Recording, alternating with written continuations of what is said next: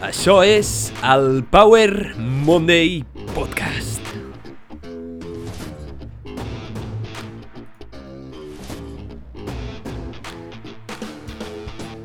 Benvinguts al Power Monday Podcast. Soc en Pau, el teu apassionat de fitness, inspiració i ciència. I en aquest podcast, cada setmana et porto un missatge, personatge, concepte o eina poderosa per ajudar-te a descobrir com desbloquejar la grandesa que tens dins teu i viure millor gràcies a la ciència, l'exploració i el coneixement.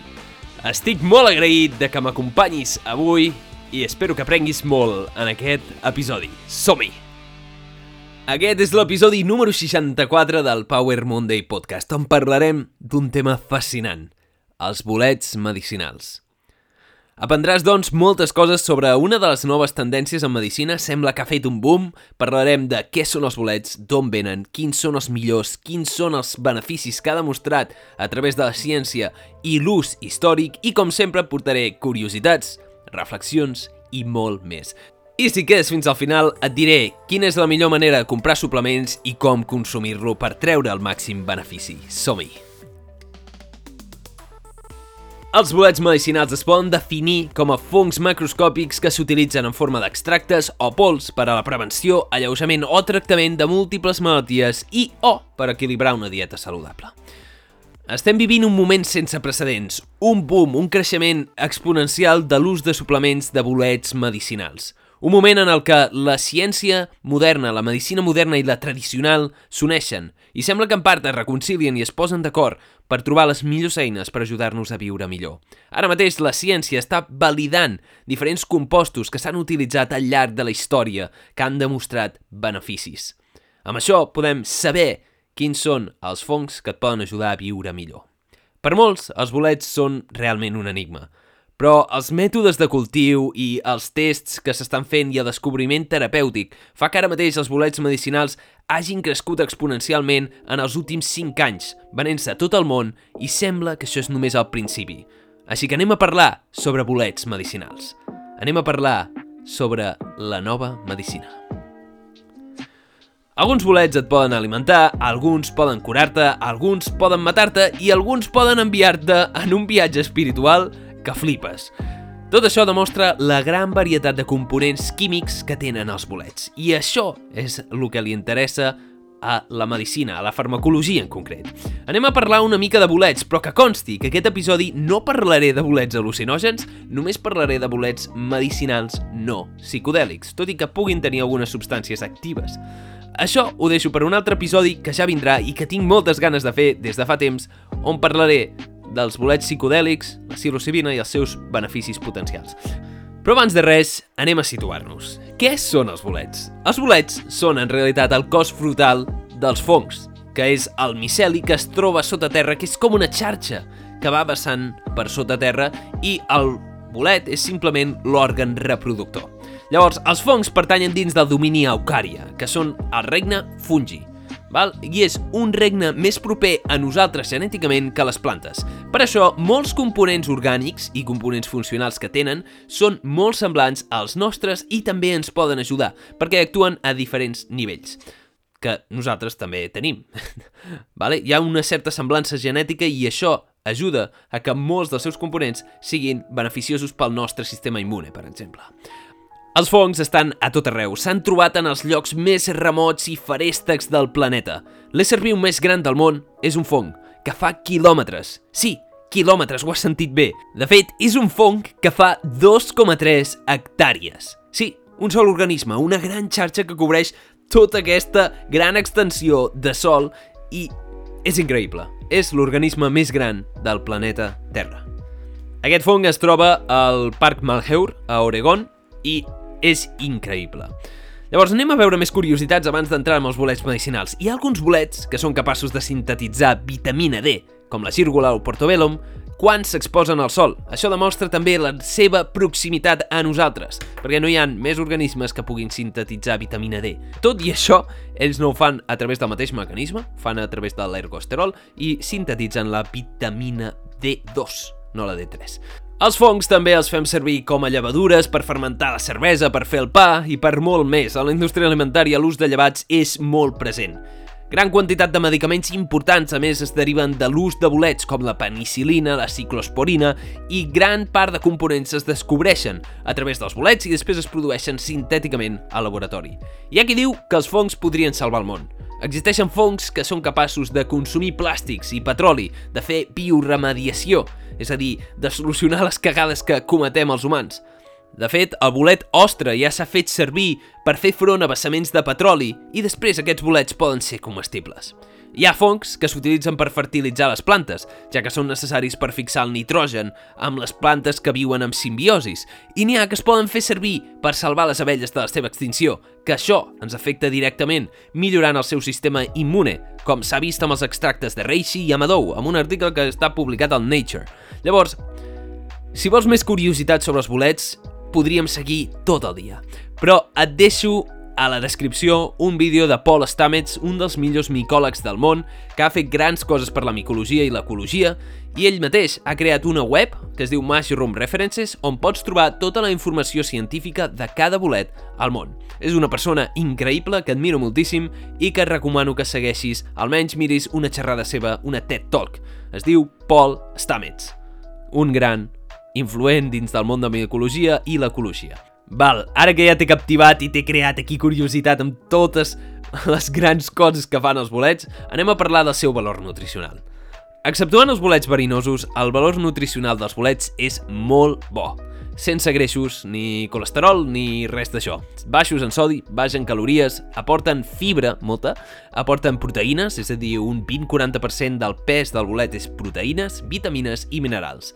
Els beneficis nutricionals varien segons el tipus de bolet que consumeixis, està clar, i la veritat és que el regne eh, dels bolets, dels fongs, és molt dispers. Però en general podem dir que són una bona font de vitamines del grup B, coure i potassi tenen un gran valor nutricional i molts són comestibles i a més a més són una bona font de proteïnes que contenen aminoàcids essencials que poden formar part i haurien de formar part d'una dieta ben equilibrada i saludable. D'acord, però dit això, com poden ser beneficiosos per la salut els bolets? Com és que considerem els bolets medicinals com a medicinals?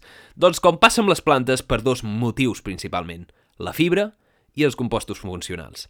La fibra és un prebiòtic, és a dir, alimenta a la nostra flora intestinal i és essencial per l'ésser humà. De fet, ja es considera com un nutrient essencial per la nostra supervivència, la fibra, i és lògic, perquè l'hem consumit al llarg de la nostra història com a espècie i forma part essencial de la base dietètica, perquè sempre hem consumit components amb fibra, que alimenten la nostra microbiota, i això és molt saludable. La nostra microbiota és el segon cervell.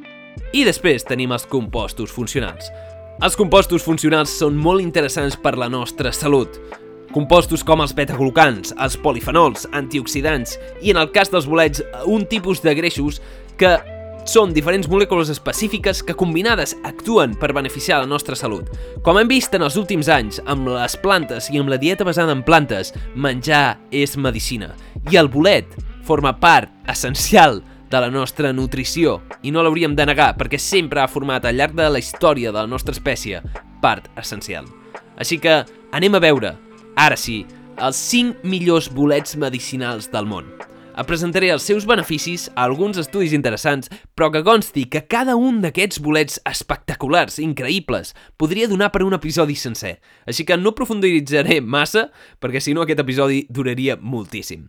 Llavors, anem directament a veure el primer bolet. En el número 1 de millor bolet medicinal del món tenim la cavallera de lleó o melena de león o lion's mane, conegut com Erythium erinaceum. És el bolet de la ment. Aquest bolet espectacular que sembla literalment la cavallera d'un lleó, el pallatge d'un lleó blanc, és un bolet blanc comestible que es pot cuinar a diferència de molts bolets medicinals i és deliciós. Té gust, a carn de cranc. Carn de cranc. Carn de cranc. Això és com un petit embarbussament. Fins fa poc es pensava que les neurones no tenien capacitat regenerativa, que la capacitat intel·lectual, a més, venia determinada als 25 anys i s'establia al pic màxim. Però per sort això no és així. I de fet, diversos estudis demostren que les neurones realment poden dividir-se i regenerar-se. També, a més a més, es poden millorar les capacitats cognitives i intel·lectuals amb el treball. Per què dic això? Doncs perquè el Lion's Mane és un suplement o aliment molt prometedor que ha demostrat tenir efectes neurogènics. És a dir, és capaç de generar noves neurones, ja que augmenta l'expressió del factor de creixement neuronal NGF. Aquest factor indueix a la replicació de neurones i és capaç de millorar i regenerar lesions nervioses en rata. En estudis amb rates s'ha observat com una secció de la medul·la espinal, si utilitzem extracte de Lion's Mane, ens permet recuperar, regenerar aquestes neurones. Altres estudis també indiquen que és un suplement ideal per regenerar les neurones, millorar les habilitats cognitives, l'ansietat i prevenir malalties neurodegeneratives i probablement tractar-les, però almenys coadjuvar-les, és a dir, ajudar a millorar el tractament del que ja disposem. Un petit estudi randomitzat doble sec on donaven bolet o placebo en els participants va observar que aquells que prenien el bolet, Lion's Mane, el cavallera de lleó, treien millors resultats en els tests de memòria. Deixo tots els estudis a la descripció. A part d'això, aquest bolet ha demostrat beneficis per la digestió, protecció gàstrica en rates i benestar intestinal. Per mi, personalment, aquest és el millor bolet medicinal que existeix. És comestible, té beneficis increïbles, efectes cognitius que poden millorar la teva memòria, que et poden permetre regenerar neurones i és brutal té un gust increïble. El allò és probablement per això el bolet més vengut ara mateix a nivell de suplementació, perquè és molt, molt, molt prometedor. Clarament es necessiten més estudis, però està clar que menjar-te no et farà cap mal i només et podrà fer beneficis. Aquest és el bolet número 1. Anem directament a per al bolet número 2, el segon millor bolet medicinal del món. Què em diries si et digués que un dels bolets més beneficiosos del món creix en insectes? De fet, no només creix en insectes, literalment els hi pot controlar el cervell i els menja per dins, fins que el bolet surt i mata l'hoste, mata l'insecte dona fruita a l'insecte. Si vols, pots mirar enllaços a la descripció on tens fotos increïbles de bolets creixent literalment del cap dels insectes sembla sortit d'una pel·lícula de ciència-ficció. I si a més a més et digués que aquest bolet ha demostrat que serveix per millorar l'energia, la resistència física, la immunitat i altres beneficis funcionals. Aquest bolet és el cordíceps i és un dels bolets més utilitzats en la suplementació, sobretot esportiva. En realitat, el cordíceps és un gènere de fongs que conté unes 700 espècies. Aquest gènere està format per fongs endoparasítics. Et deixo les fotos per si vols veure com parasiten a insectes i creixen literalment dels seus cossos. Hi ha dos bolets en aquest grup que s'utilitzen pels seus beneficis. Tenim el Cordyceps sinensis, que és el més famós, i després tenim el Cordyceps militaris, que és el més utilitzat. El Cordyceps sinensis té molta història d'ús medicinal a Àsia i és molt preuat. Aquest només creix en infectar l'oruga de l'arna fantasma. Es troba, sobretot, a l'Himalaya, i és molt car i difícil de trobar. El preu ronda els 25.000 euros al quilo. Per això és realment poc utilitzat i si estàs a punt de comprar un suplement que diuen que té Cordyceps sinensis, la veritat és que el més probable és que sigui un timo o que tinguis molta pasta per gastar, perquè és molt, molt car. Llavors tenim el Cordyceps militaris. Aquest és el més utilitzat, com et deia, i són uns bolets que semblen com chetos, semblen com aquelles patates, que creixen en insectes també, però poden créixer en substrats de cereals com arròs i soja. Aquest és el que s'utilitza pels beneficis de la salut en general. En tercer lloc tenim el que es coneix com GS4, que és un miceli del sinensis, derivat del Cordyceps sinensis, que es produeix en bioreactors per als seus usos medicinals. Així que si compres un Sinensis, tot i que també és molt car, el més probable és que vingui d'aquests bioreactors i realment no vingui de l'oruga de l'arna fantasma, perquè és molt difícil de trobar. Anem als beneficis. El cordyceps té un compost únic, un anàleg de nucleòtids del DNA, que es coneix com a corde... cordicepina. Cordicepina o cor cordicipin. Val? No sé com traduir-ho, això. Cordicepina, que és el que s'atribueix als beneficis principals. El benefici més reconegut actualment és l'augment de la resistència física i l'augment d'energia. Hi ha molts estudis que demostren que poden augmentar la capacitat d'oxigen i el rendiment esportiu i, de fet, s'ha utilitzat moltíssim en les últimes Olimpiades, aportant un avantatge competitiu front a aquells que no ho consumien. S'està fins i tot plantejant si haurien de marcar el cordíceps com a substància de dopatge, perquè, tot i que els beneficis no són molt exagerats, són reals. Llavors, sembla que també augmenta els nivells d'ATP, que és la moneda d'energia de l'organisme, és a dir, tens més energia, i també pot presentar beneficis pulmonars i pels betaglucans, un efecte immunomodulador bidireccional, que pot actuar tant activant o suprimint el sistema immune depenent de les necessitats de l'organisme. També es considera com adaptogen, és a dir, que serveix per fer front a l'estrès antiviral i, per últim, hi ha qui el considera afrodisíac. En general, es consumeix com en forma de suplement. Aquest no és realment molt deliciós, comestible, s'asseca, se'n fa una pols i es pot trobar amb infusions o amb càpsules mateix. Aquest és el cordíceps i es veu cada vegada més el seu ús, sobretot a nivell esportiu, perquè realment ha demostrat que pot millorar el rendiment, sobretot en aquell exercici de resistència, com a maratons, córrer, bicicleta... Això sembla que realment és beneficiós, així que si ets esportista, et recomano que facis una ullada al Cordíceps Militaris, val? que és el més barat. No volem aquí rebentar-nos la cartera. Val, anem a per al tercer millor bolet del món medicinal. Aquest es coneix com el rei dels bolets medicinals el qual és una mica estrany, perquè en realitat no és un bolet, és el chaga. I el chaga, conegut com Inotus obliquus, en realitat és un miceli que creix quan infecta els arbres i és la reacció, és la fusió de la reacció de defensa de l'arbre més el bolet.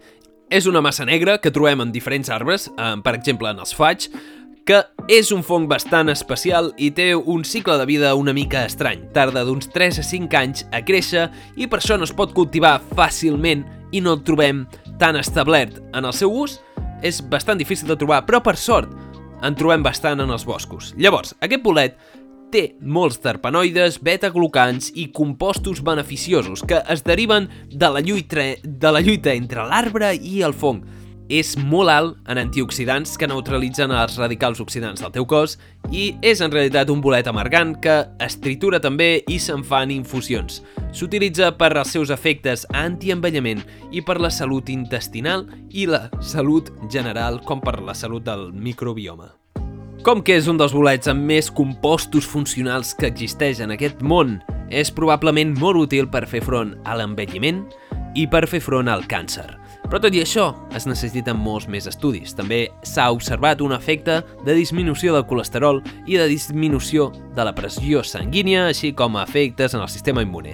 La veritat és que s'ha utilitzat per moltes coses i ha demostrat molts beneficis. Sembla ser que podria tenir uns efectes en general, antienvelliment i de millora de la salut en general. Quan tinguem més estudis podrem treure més conclusions, però per ara, el Chaga, el rei dels bolets, que s'ha utilitzat més sovint a la medicina tradicional xinesa pot ser molt beneficiós i veurem que el seu ús augmenta, tot i que tenim un problema de cultiu, per tant el seu preu augmentarà en els pròxims anys dràsticament. El pots consumir, ja t'he dit, amb infusions o amb càpsules, perquè el seu gust és bastant amargant. Existeixen diferents tipus de tés, com els de Four Sigmatic, que fan un te que és més agradable al gust. D'acord, el Chaga Rei dels Bolets era el tercer anem a per al quart millor bolet del món. No en cap ordre particular, aquest és el número 4, és el Reishi, el Ganoderma lucidum. El reishi s'utilitza per millorar el son, l'ansietat, la depressió i sobretot té propietats immunomoduladores. Com he dit abans, molts bolets actuen amb els beta-glucans gràcies al seu efecte immunomodulador. Poden activar o desactivar el sistema immune sense causar problemes val? tenen un efecte dual. Llavors, També, antigament, es deia que el reishi era el bolet de la immortalitat i tot i que se li atribueixen efectes d'antienvelliment i es coneix com l'elixir de la joventut, això ho haurem de veure en els pròxims anys. El cas és que també és molt alt en antioxidants i és un dels bolets més estudiats d'aquest planeta. És un bolet molt curiós que és sòlid, no té làmines, sinó que té porus, és el bolet de pipa. Es coneix com a bolet de pipa perquè realment sembla una pipa de fumar. Llavors, en comptes de tenir làmines, té poros per on surten les espores i creixen els arbres i s'utilitzen en infusions o també en pols. Té un gust bastant amargant, però té molts beneficis. El ser amargant, el reishi, combina molt bé amb el cafè i la xocolata i de fet s'està posant molt de moda aquests tipus d'infusions, com t'he dit abans, de Force Sigmatic i altres moltes marques, que fan infusions de te, cafè o xocolata barrejats amb bolets medicinals per amagar aquest gust amargant i perquè tinguis més beneficis. Llavors, Llavors, sense entrar massa en detall, el reishi té efectes que et poden ajudar al teu sistema immune, poden alleujar la fatiga perquè també actua com a adaptogen, és a dir, t'ajuda a fer front a l'estrès. Amb un estudi amb 132 pacients que patien una condició coneguda com a neuroestènia, van observar que enfront al placebo, aquells que prenien el fong reishi millorava els símptomes de dolor, cansament i irritabilitat. Llavors pot ser un bon aliat per fer front al, al cansament com a adaptogen al reishi. També pot ser un bon aliat per fer front al càncer, en parlarem després amb el següent bolet, i també s'ha observat que podria beneficiar el teu cervell i tenir efectes antienvelliment.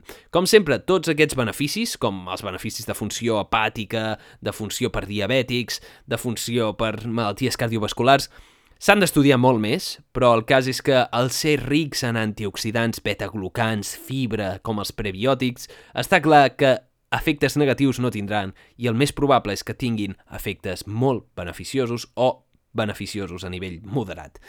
Per acabar, anem amb l'últim i gran bolet d'aquest top dels millors bolets medicinals del món. L'últim bolet en aquest top 5 és el cua de gall d'indi, la cua de gall d'indi, o també conegut com a turkey tail.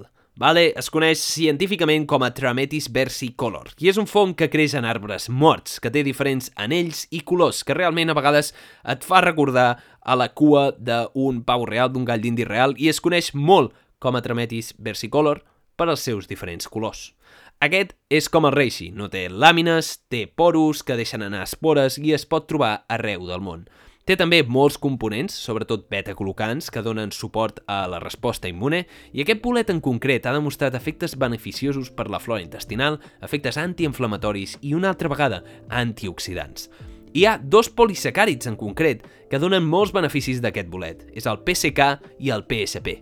PSK i PSP, que semblen el nom d'equips de, de futbol, han demostrat que tenen efectes molt interessants anticancerígens amb humans, aquest cop no amb rates, sinó amb humans de debò. Juntament amb el reishi, el cua de gall d'indi el trametis versicolor, presenten uns efectes potencials en el tractament del càncer, però no en el tractament de manera individual, sinó com a teràpia coadjuvant, és a dir, juntament amb la quimioteràpia. De fet, hi ha molts estudis, o diferents estudis, que han observat aquesta relació. De fet, un estudi va comparar l'ús de diferents extractes de bolets per al tractament coadjuvant de càncer. I el que van observar és que l'ús d'aquests bolets augmenta la qualitat de vida en els pacients que estan sotmesos a quimio i a radioteràpia i augmenta el temps i esperança de vida en aquells pacients. Tot i que es necessiten més estudis i no es volen extreure conclusions precipitades dels pocs resultats, podem dir que aquests extractes de bolets poden ser una bona teràpia coadjuvant, però mai podran ser una teràpia per si sols. No poden ser una teràpia individual. Així que tractament coadjuvant sí, teràpia individual no, val? No intentis tractar un càncer només amb bolets, perquè si tenim un càncer hem de fer cas a l'oncòleg i utilitzar tots els recursos que tinguem per fer front a aquesta malaltia que es pot desenvolupar i afectar, literalment, a la teva vida. Llavors, aquests són els beneficis del cua de gall d'indi, també efectes per derivats dels antioxidants que presenta dels compostos funcionals únics que presenta el món dels fongs, completament diferents al món de les plantes, però que cada vegada s'està veient més beneficis. S'estan intentant aïllar tots aquests compostos de manera individual per traduir-los, per produir un medicament, per concentrar-los i trobar concretament quina és la molècula dins dels bolets que t'ajuda. Moltes vegades això és impossible, moltes vegades això és difícil i es poden intentar anàlegs, però també el que passa sovint és que aquests bolets actuen de manera sinergística, és a dir, no és només un compost del bolet que té benefici, sinó el conjunt. Estic segur que vindran molts més estudis, molts estudis ja estan en procés, perquè molts estudis dels que tenim actualment amb els fongs i els seus extractes són principalment amb rates, són principalment amb animals de laboratori i no podem treure conclusions precipitades del seu ús. Tot i això, tenim l'ús basat en la evidència que ens porta la història. La història de la medicina tradicional, de la medicina tradicional xinesa, de la medicina tradicional mexicana, que utilitzen bastant sovint aquests bolets per al tractament de diferents patologies i que s'han anat registrant i que potser no són la millor evidència, però són una evidència. En els propers anys veurem molta més informació sobre l'ús dels bolets medicinals, estan cada dia més a l'ordre del dia i, de fet, la Xina és el país que té més estudis, en xinès, òbviament, no els he pogut llegir, més estudis sobre els compostos beneficiosos dels fongs, els seus perfils genètics, quina és la millor espècie per treure els rendiments, quins components s'haurien d'aïllar per produir medicaments pels nostres beneficis, com per exemple quan es va aïllar la penicilina, això ha salvat milions de vides, doncs s'està tractant de trobar aquestes molècules, aquestes noves espècies que podrien ajudar-nos a millorar la salut global del planeta. Llavors, no fa falta que vagis tan lluny a consumir bolets exòtics, per treure beneficis. A casa nostra tenim una gran riquesa de fongs comestibles amb beneficis potencials que potser no tenen tants estudis amb rates com tenen el reishi, el turkey tail i tots aquests bolets que t'he anomenat avui, però està clar que són beneficiosos per la salut i tenen components bioactius també que et poden ajudar a estar millor. De la mateixa manera que moltes plantes, sobretot com més color, més components funcionals. En aquest cas, en el nostre país tenim camagrocs, ceps, rovellons que tenen potencials beneficis, com per exemple el Cantharellus cibarius, que és el rossinyol, s'ha observat que el seu extracte té un efecte potencial antiinflamatori i regenerador de ferides en rates. Els ceps Boletos edulis també ha demostrat beneficis per la salut en general. Podríem estar aquí tot el dia parlant de tots els extractes del món, però que sàpigues que consumir bolets, anar a buscar bolets, com per exemple les gírgoles, um, té beneficis per la salut. I no fa falta que els vagis a buscar, els pots comprar al supermercat. De fet, un dels bolets que ha demostrat més beneficis per la salut per al seu ús extensiu és el shiitake. Aquest bolet marró, sovint d'origen japonès, el pots utilitzar per treure els màxims beneficis. Per tant, el meu consell és que, a part de buscar suplements per treure tots els beneficis que t'he anomenat avui, busquis consumir bolets, busquis que el menjar sigui la teva medicina, no tant extractes i tot això, sinó augmentar el consum de bolets, perquè s'ha observat que són molt beneficiosos. De fet, les poblacions centenàries que viuen més temps tenen una dieta rica en plantes i sempre tenen la presència de l'ús de bolets comestibles. És un marcador de longevitat, és a dir, aquelles persones que mengen més bolets en general viuen més, excepte aquells que són verinosos, que en general només els pots menjar una vegada. Probablement estiguin bons, però no sé si, si val la pena. Llavors, ara anem a parlar de quins suplements, comprar quins hauries de consumir si vols consumir suplements. Però recorda que la millor medicina és que sigui la teva nutrició i que això sigui un estil de vida, sigui un hàbit, l'hàbit de consumir bolets més que consumir càpsules i suplements. Però, si et vols suplementar igualment, deixa'm dir-te quins són els millors consells per comprar el millor suplement per als teus beneficis. Amb boom actual de la suplementació de bolets i la poca legislació respecte per estandarditzar aquests suplements, existeix una gran varietat d'estafes en els suplements de bolets medicinals. La veritat és que és molt difícil saber si realment estàs consumint el bolet, si té realment els compostos bioactius que tu esperes, si té terpens o si té betaglucans, si s'ha extret de la millor manera o si conté cap mena de bolet dins aquella càpsula. La millor manera és consumir-lo amb infusions, amb tés amb el bolet físicament. Així que si pots comprar reishi físic triturat i veus que és reishi i et fas tu mateix una infusió, sabràs que allò és beneficiós. El problema en aquest cas és que els bolets tenen components que són solubles en aigua i tenen components que són solubles en alcohol.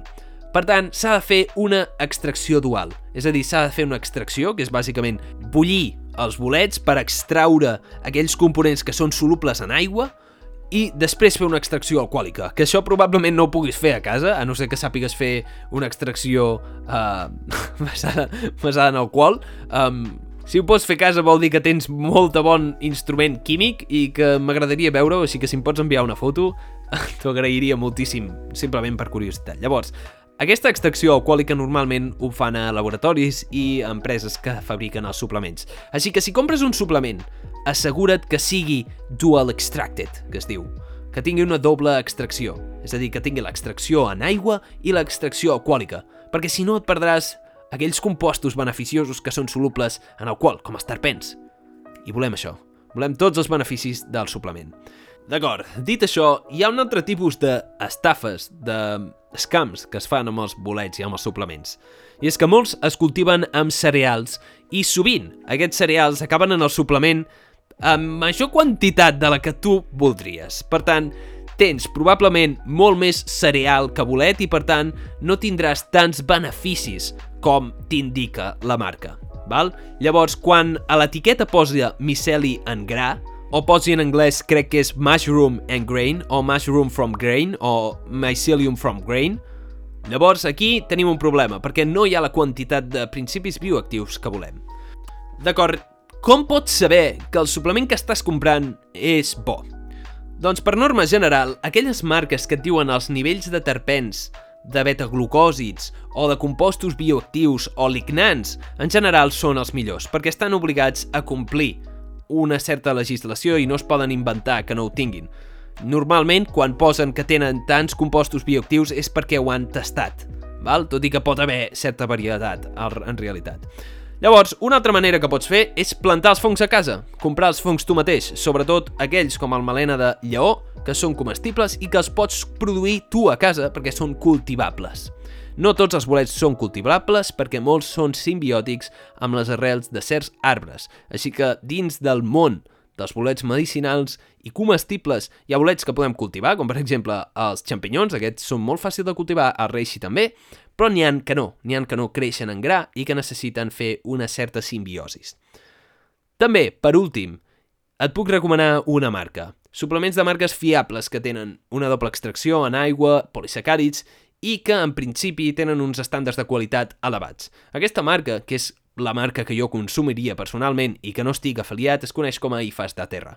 I és un laboratori que produeix extractes de bolets a Galícia amb uns estàndards de qualitat molt respectables i bastant més transparents que moltes marques que puguis trobar a arboristeries o a Amazon. Llavors, el meu consell és que si vols consumir realment un extracte de bolets beneficiós, t'asseguris que tingui allò que tingui el bolet que estàs consumint o que el consumeixis tu físicament. Val? Assegura-te'n. Si tens més dubtes, pots enviar-me el suplement a Power Monday Show i jo et diré si crec que és un bon suplement, si està ben raspallat per la ciència. Altres marques que poden tenir cert interès és Four Sigmatic, que s'està donant molt a conèixer a través de diferents xarxes socials que produeixen aquests tés de xocolata, cafès, infusions amb bolets, que tenen uns estàndards de qualitat bastant respectables per mi. Llavors aquesta és la meva opinió. Per tant, resumint, assegura que sigui doble extracció, que no contingui miceli en gra i que, a més a més, t'indiqui el nivell de terpens. Això és important. Assegura't de comprar marques fiables si vols treure els beneficis de salut que creus que esperaràs. Ara, deixa'm fer uns aclariments. Per què és important aquesta suplementació? Doncs perquè actualment vivim en un sistema de salut que en realitat s'hauria d'anomenar sistema de malaltia, sistema de malalts. I és que fa molt bé el fet de tractar la malaltia, sobretot la malaltia aguda. però fa molt malament el fet de tractar malalties cròniques i de prevenir. No malinterpretis, el sistema de salut és increïble i és molt necessari, però no ens serveix per tot de la manera que està plantejada actualment. Aquests bolets no són com una aspirina, no són una solució ràpida als teus problemes. No trobaràs bé l'endemà, aquests bolets en realitat serveixen com a hàbit per un estil de vida en el que incorpores constantment aquests compostos beneficiosos. Actuen diferents, actuen de manera llarg termini, no actuen en dos dies. Així que converteix la suplementació en bolets i una dieta basada en plantes a incorporant bolets en el teu estil de vida, no en el fet d'una suplementació esporàdica. No és un medicament que puguis fer servir un dia i ja me n'oblido. Llavors, la gràcia d'aquests bolets és que tenen milers d'anys d'història, milers d'anys d'història que han validat el seu ús, la seva seguretat i la seva eficàcia. No és una molècula que van descobrir la setmana passada a un laboratori, que estan provant i que fa dos mesos que s'ha aprovat, no. No és un medicament que ens sortirà car amb efectes adversos, no, perquè és un suplement que ens pot realment ajudar i que ha demostrat seguretat i eficàcia en els seus nivells. No són una panacea, tampoc, no solucionen tots els teus problemes i tenen el seu lloc. No et curaran el càncer i no hauries de dependre només dels bolets i dels extractes naturals per tractar el càncer, però clarament són una bona eina que ens poden ajudar a recuperar-nos i a trobar, a trobar un equilibri, a recuperar l'ús medicinal dels bolets com a forma d'estil de vida, a recuperar aquest estil de vida basat en la prevenció i en el manteniment del nostre organisme i no en la solució ràpida, en el quick fix. La solució ràpida real és dedicar temps i constància a construir una bona base per la teva salut. No és una panacea, no solucionarà tots els teus problemes, però tenen el seu lloc, i tenen el lloc que es mereixen perquè són increïbles. En conclusió, el regne dels fongs és increïble, és brutal i està interconnectat amb nosaltres. És més proper del que sembla i pot portar-nos molts beneficis, no només a nivell de salut, sinó a nivell d'ecologia.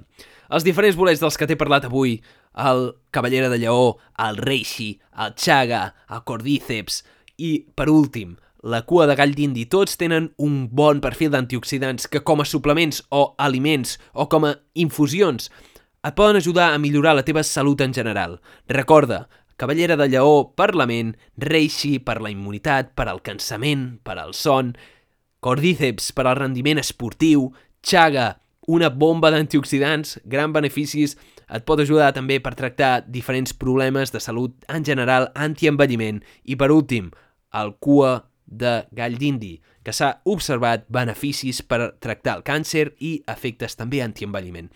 Tots aquests bolets, qualsevol et beneficiarà.